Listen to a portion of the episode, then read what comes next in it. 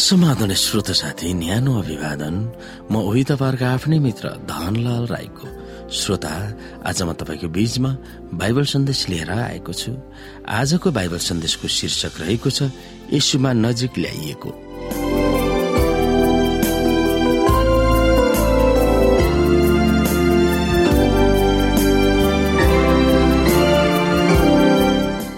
श्रोत साथी यसुलाई विश्वास गर्ने एफिसीका भक्तहरू अन्य जाति भएकोले पहिला कस्ता थिए भनेर एफिसी दुई अध्यायको एकदेखि तिनमा उल्लेख गरेकोसँग एफिसी दुई अध्यायको एघार र बाह्र तुलना गर्नुहोस्। तिनीहरू विगतबाट नयाँ आयाममा कसरी सरे भनेर पावलले कसरी वर्णन गर्दछन्? आउनु श्रोता हामी यहाँनिर एफिसीको पुस्तक दुई अध्यायको एकदेखि हेरौँ। तिमीहरू आफ्ना अपराध र पापहरूद्वारा मरेको बेलामा उहाँले तिमीहरूलाई जीवित पार्नुभयो। यिनैमा यस संसारको रीति अनुसार र आकाशको शक्तिको मालिक अनुसार अनाज्ञाकारिताका सन्तानमा अहिले काम गर्ने आत्मा अनुसार तिमीहरू अघि एकपल्ट चल्दै थियो। तिनीमध्ये हामी सबै पनि शरीर र मनका इच्छा पूरा गरेर आफ्नो पापमय स्वभावका लालसामा अघि जिउँदै थियौँ र बाँकी मानिस जस्तै हामी स्वभावैले क्रोधका सन्तान थियौँ। यसै गरी हामी एपिसी दुई अध्यायको एघारदेखि तेह्रलाई पनि हेर्न सक्छौँ। यसकारण याद राख अघि तिमीहरू शरीर अनुसार अन्य जाति छला। शरीरमा हातबाट खतना गरिएकाहरूले तिमीहरूलाई बेखतनाका मान्दथे।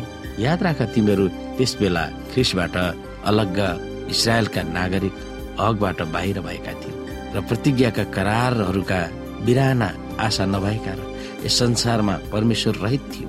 तर तिमीहरू जो त्यस बेला ख्रिस यसुबाट टाढा थियो अब ख्रिसको रगतले नजिक भएका छौ।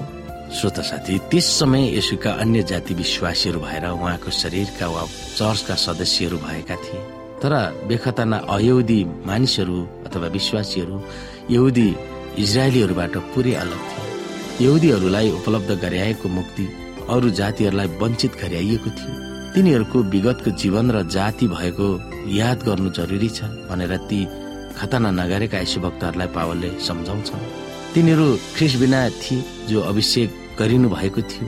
उहाँ इजरायलीहरूको मसिह हुनुहुन्थ्यो। तिनीहरू इजरायल राष्ट्रबाट अलग थिए। तिनीहरू करारहरूको प्रतिज्ञाबाट बिरानो भएका थिए। त्यो प्रतिज्ञामा परमेश्वरको मुक्ति समावेश भएको थियो। जुन मुक्तिको इतिहासभरि उपलब्ध गराइएको थियो। इजरायलबाट अलग हुनु र इजरायलीहरूलाई उपलब्ध गराइएको मुक्तिबाट तिनीहरू बिरानो भएकोले तिनीहरूमा आशा थिएन र यस संसारमा तिनीहरू परमेश्वर बिना अर्थहीन जीवन बाँचिरहेका थिए। फेरि तिनीहरूका विगतको अस्तित्वमा ती अन्य जातिहरू एक आपसमा र यहुदीहरूसँग ठुलो मतभिन्नताले गर्दा तिनीहरूमा कचकच भइरहेको थियो। यहुदी र अयहुदीहरूको बीचमा भएको घृणा पानी नचल्ने जाति छुवाछुत जाति कसरी भयो भनेर नाउ तोकेरे पावरले उल्लेख गर्दछन्। यहुदीहरूले अरूहरूलाई बेखतना भएकोले तिनीहरू खतना गर्ने वा यहुदीहरूसँग उडबस पनि गर्नुहुन्न भन्ने जातीय विभाजन थियो। नेपालमा विदेशीहरूलाई म्लेच्छ भनेर विगतमा सम्बोधन गर्दथे। एफिसी दुई अध्यायको तेह्रमा पावलले त्यस विभाजनमा ठिक उल्टो वा परिवर्तन आएको थियो भनेर उल्लेख गर्दछ। तर अब तिमीहरू जो त्यस बेला ख्रिस्ट यसुबाट टाढा थियो अब ख्रिस्टको रगतले नजिक भएका छौ भनेर एफिसी दुई अध्यायको तेह्रले हामीलाई भन्दछ। जब अन्य जाति वा अयहुदी विश्वासीहरू एक फेरा टाढा थिए भनेर पावलले सम्बोधन गर्दा यसै सन्ताउन्नको उन्नाइसबाट उतारिएको देखिन्छ। टाढा र नजिक बस्ने दुवैलाई शान्ति होस् शान्ति परमप्रभु हुनुहुन्छ। म तिमीहरूलाई निको पार्नेछु। यसै गरी एफिसी दुई अध्यायको सत्र र अठारमा पनि यसरी उल्लेख गरिएको छ। उहाँले आएर तिमी टाढा भएका र नजिक भएकाहरूलाई मिलापको मिलापको सुसमाचार सुनाउनु भयो किनकि उहाँद्वारा नै हामी दुवैले एउटै पवित्र आत्मामा पिता कहाँ प्रवेश पाएका छौँ। यसै गरी एसिया सन्ताउन्नको सत्र र अठारमा यसरी लेखिएको छ त्यसको पावलले भरिएको लोभको कारण म रिसाएको थिएँ। मैले त्यसलाई दण्ड दिएँ र मेरो मुख लुकाएँ तर पनि त्यो आफ्नै चालमा अट्टेरी गरेर चल्दै रह्यो। मैले त्यसका चालहरू देखेँ तर त्यसलाई म निको पार्नेछु म त्यसलाई डोर्याउने छु र फेरि सान्त्वना दिनेछु। यहुदी भाइ बहिनीहरूबाट परमेश्वरबाट र आशाबाट अलग गरिएका अन्य जातिहरू अब यसु ख्रिस्मा र कुशद्वारा एक आपसमा नजिक भएका छन्। यहाँ जात भात वा जातीय देशी विदेशी र रङ्गभेदले ग्रस्त भएको हाम्रो समाजको निम्ति शक्तिशाली शुभ खबर पावलले दिन खोजेको पाइन्छ। यहुदी र अयहुदी वा अन्य जातिहरूको बीचमा भएको मतभेद विभाजन र छिछि र दूर दूर यस ख्रिसको क्रुसले समाधान गर्न सकिन्छ।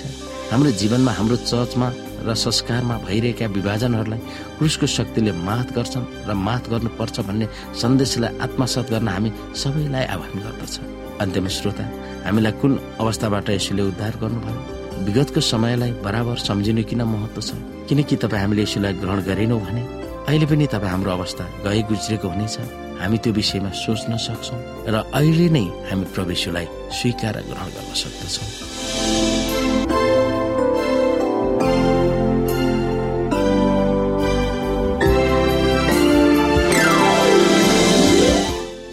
श्रोता आजको लागि बाइबल सन्देश यति नै।